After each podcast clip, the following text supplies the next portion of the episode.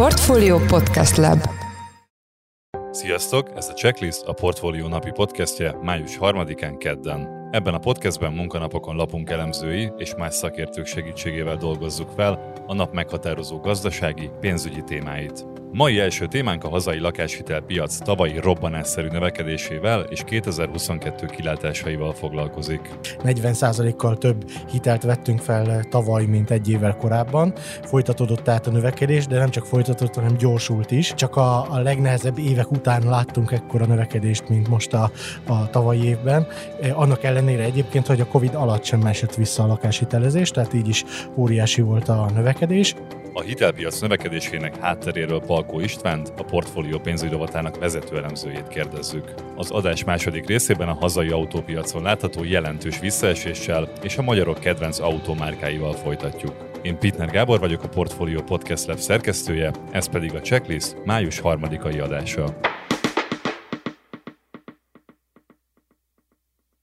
KSH friss 2021-es adatai szerint továbbra is magas, 69% a használt lakás vásárlásra felvett hitelek aránya, a felújításra, bővítésre felvett hitelek aránya pedig megduplázódott. Arról, hogy mi áll a lakáshitelpiac növekedése mögött, Palkó Istvánt, a portfólió pénzügyi rovatának vezető elemzőjét kérdezem, mielőtt azonban megkezdjük a beszélgetést, jöjjön a portfólió közelgő lakáskiállítás rendezvényéről egy rövid reklámblokk.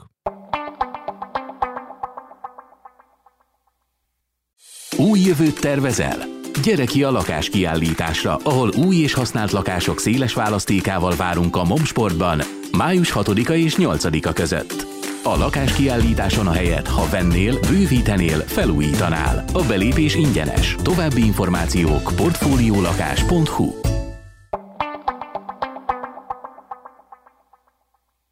Szóval itt van velünk a stúdióban Palkó István. Szia István, köszöntelek a checklistben. Szia, köszöntöm a hallgatóinkat. Hogyan zárult 2021 Magyarországon a lakás hitelezés terén, és mi az elmúlt évek tendenciája? A fő folyamatokat gyakorlatilag február óta ismerjük, hiszen a Magyar Nemzeti Bank ekkor tette közé az éves adatokat. Most egy kicsivel részletesebb statisztika jelent meg a Központi Statisztikai Hivatal jóvoltából.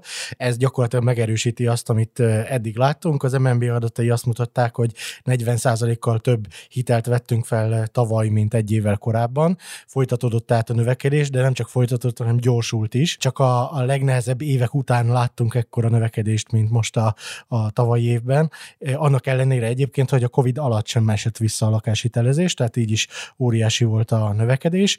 A KSH adatai ehhez képest 36%-os növekedést mutatnak, tehát csak valamivel alacsonyabb, a kettő között az a különbség, hogy a, az MNB adatai szerződéskötési összegeket mutatnak, a KSH adatai pedig engedélyezést, illetve folyósítást. Mi a cikkünkben az utóbbi adatokat néztük meg. Azért növekszik a lakáshitelpiac, mert több a hitelfelvevő, vagy azért, mert a lakáspiaci áremelkedés miatt nagyobb hitelösszegeket veszünk fel? Ez egy nagyon jó kérdés, erre voltam én a legkíváncsibb a, a KSH adataiból, mert hogy az MNB erről nem ad ki részletes, illetve rendszeres statisztikákat, és hát azt mutatják az adatok, hogy ez emögött a 36%-os növekedés mögött gyakorlatilag ugyanolyan arányban áll a hitelszerződés szám növekedése, tehát az új hitelszerződések vagy folyósítások darabszáma az ugyanolyan mértékben nőtt meg, mint ahogyan a hiteleknek az átlagösszege emelkedett, mind a kettő 16%-kal, és a kettőnek a úgymond szorzatából áll elő ez a 36%-os növekedés, amit látunk a, a, a teljes felvett összegben. Mind a kettő dinamikus növekedésnek számít, és mind a kettő teljesen pozitívan értékelhető a lakáshitelezés szempontjából. És még egy érdekes adat egyébként, hogy amikor darabszámról beszélünk, akkor mindig érdekes, hogy ez mekkora arányt jelent, tehát a hitelfelvételnek a darabszáma a tranzakciókhoz, a lakás tranzakciókhoz képest.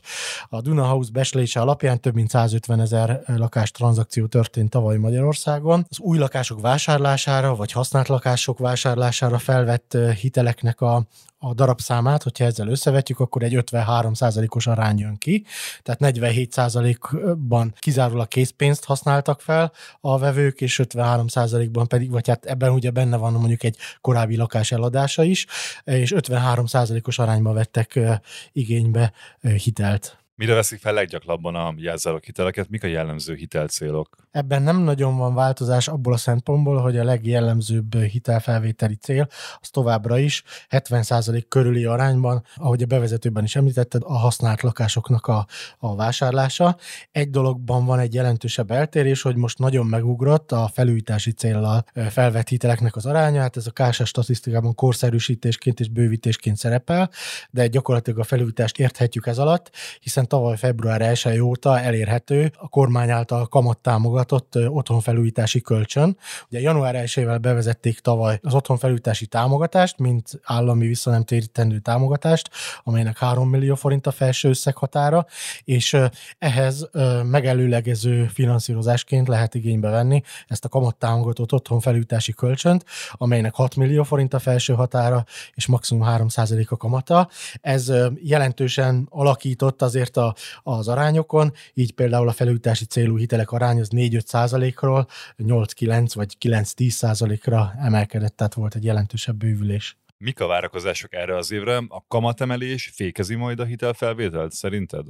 Hát a hitelpiacnak nagyon sok szegmensében látjuk már a kamatemelésnek a fékező hatását. Hogyha a lakás hitelpiacon nézzük, akkor a teljes volumenre vonatkozó ennek a hatása még nem érzékelhető, de ez elsősorban annak köszönhető, hogy a kamattámogatott hitelek jelentősége emelkedett. Egyrészt a már említett otthonfelújítási kölcsönt továbbra is viszonylag sokan igénybe veszik. Igaz, hogy a teljes lakáshitelpiacon ennek az aránya azért 10% alatt van.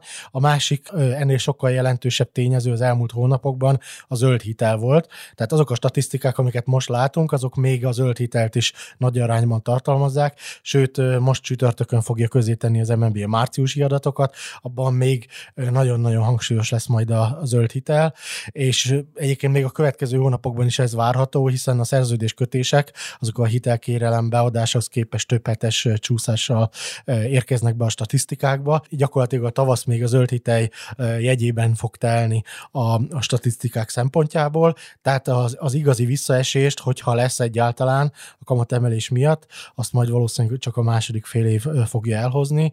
Hát ez egyébként valószínűsíthető azért, hogy a, a, az új kihelyezésekben legalábbis lesz visszaesés, hiszen 10% körüli kamatszint mellett már egyre kevésbé fogják fogják úgy érezni, hogy érdemes hitelből finanszírozni a lakásvásárlást, és ha sokan nem tudják megtenni, hogy hitelből finanszírozzák, akkor a, ez a lakáspiacra is kihathat a tranzakciószám csökkenésén keresztül. Köszönjük szépen! Az elmúlt percekben Palkó Istvánnal, a portfólió pénzügyi rovatának vezető elemzőjével beszéltünk. Köszönjük István, hogy itt voltál velünk. Én is köszönöm, sziasztok! Áprilisban folytatódott a visszaesés a magyar autópiacon. 9090 új autót helyeztek forgalomba, amely 13,9%-os csökkenés jelentett 2021 azonos időszakához képest. A Data House pedig közzétette a legnépszerűbb autómárkák listáját. A piac kilátásairól és a magyarok kedvenc márkáiról kérdezzük Knezsik Istvánt, a Magyar Gépjármű Importőrök Egyesületének elnökét, aki itt van velünk a vonalban. Üdvözlöm a műsorban! Üdvözlöm és köszöntöm a hallgatókat! Mi a tendencia az elmúlt években Magyarországon az új személyautók forgalomba helyezéséről, és mik a várakozások erre az évre? Egy nagyon érdekes helyzet alakult ki az elmúlt években, ugye kezdődött ez a Covid-dal, ami jelentősen módosította azokat a lehetőségeket, amiket járműiparban tendenciaként előző években mi gondoltunk volna. És hát ez a tendencia, én úgy látom, hogy a 2022-es évben ezzel a környékünkön, környező országokban zajló háborúval, illetve a beszállítói láncoknak a jelentős csökkenésével. Előállt egy olyan helyzet, hogy nagyon hosszú várakozási listák vannak, nagyon sok új autót szeretnének a vásárlók venni, mind magánszemélyek, mind a cégek, akik cserélni szeretnének, de hát ugye sok ezer alkatrészből áll össze egy gépjármű. Ha egy darab alkatrész hiányzik, akkor is nekünk egy olyan helyzet van, hogy nem tudjuk összeszerelni. Én azt látom, hogy az elmúlt időszakban például az ukrajnai beszállítóknak a problémáiról szóltak, ahol európai gyártásnak jelentős részének kábelkorbácsot gyártottak, és ez a háborús helyzet egy olyan szituációt teremtett, hogy nem tudtak gyártani.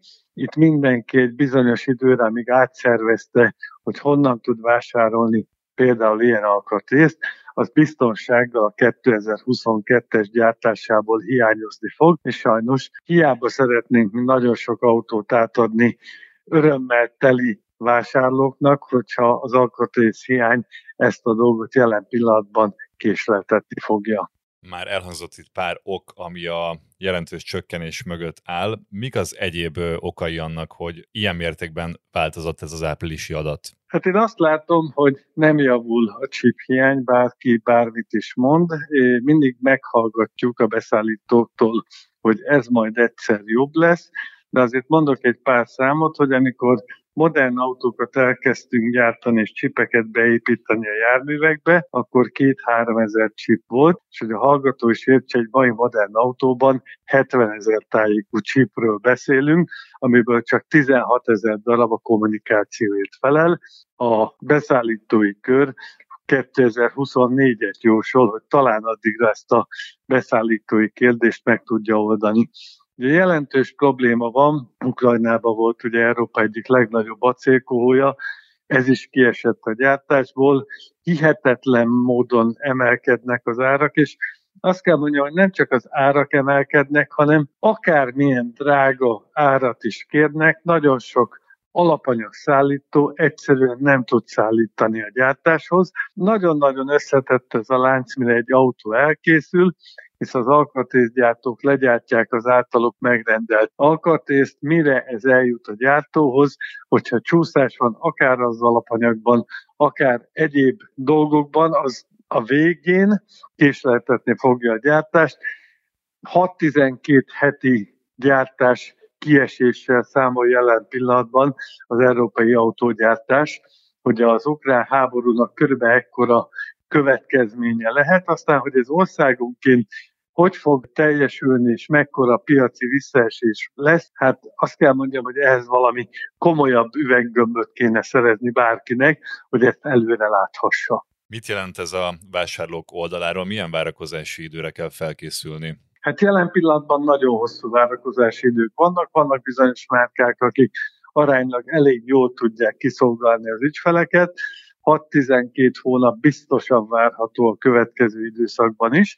Előre kell gondolkodni, jól végig kell gondolni, hogy milyen járművet szeretnénk venni, és hát, hogyha egy tudatos vásárló vagyunk, akkor ha tervezzük az autónak a vásárlását, akkor én azt hiszem, hogy annál nagyobb öröm nincsen, mint hogyha az idő elteltével egy vadonatúj, legmodernebb, legújabb technológiával szeret új autóba tudunk beleülni. És hogyha már említettük az új autót, és a márkákról is szó esett, hogyan néz ki az idei lista? Mik a magyarok kedvenc autómárkái, és van-e ebben lényeges változás mondjuk a korábbi listához képest? Hát én azt látom, hogy ketté kell ezt választani, mert ugye ma egy olyan helyzet van, hogy aki tud szállítani, és akinek van átadható új autója, ugye az fog a lista élére kerülni. Egyébként az első két helyen folyamatosan ugye ez a Suzuki és a Toyota verseng azért, hogy ki tud legtöbb autót eladni, de jelen pillanatban keresleti piacon is nem kínálati.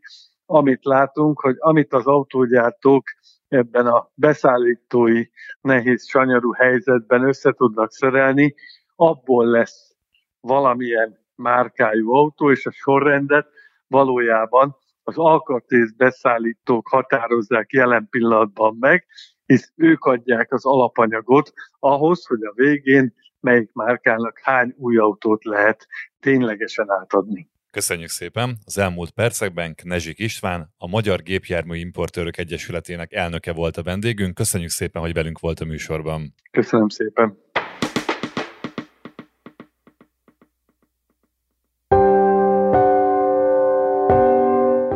Ez volt a Checklist, a Portfolio napi podcastje május 3-án kedden. Ha tetszett, iratkozz fel csatornánkra Spotify-on, Apple Podcast-en, vagy a többi nagyobb podcast platformon. Az adás elkészítésében részt vett Gomkötő Emma és Bánhidi Bálint, a szerkesztő pedig én, Pitner Gábor voltam. Új adással holnap 5 óra körül jelentkezünk, addig is szép napot, sziasztok!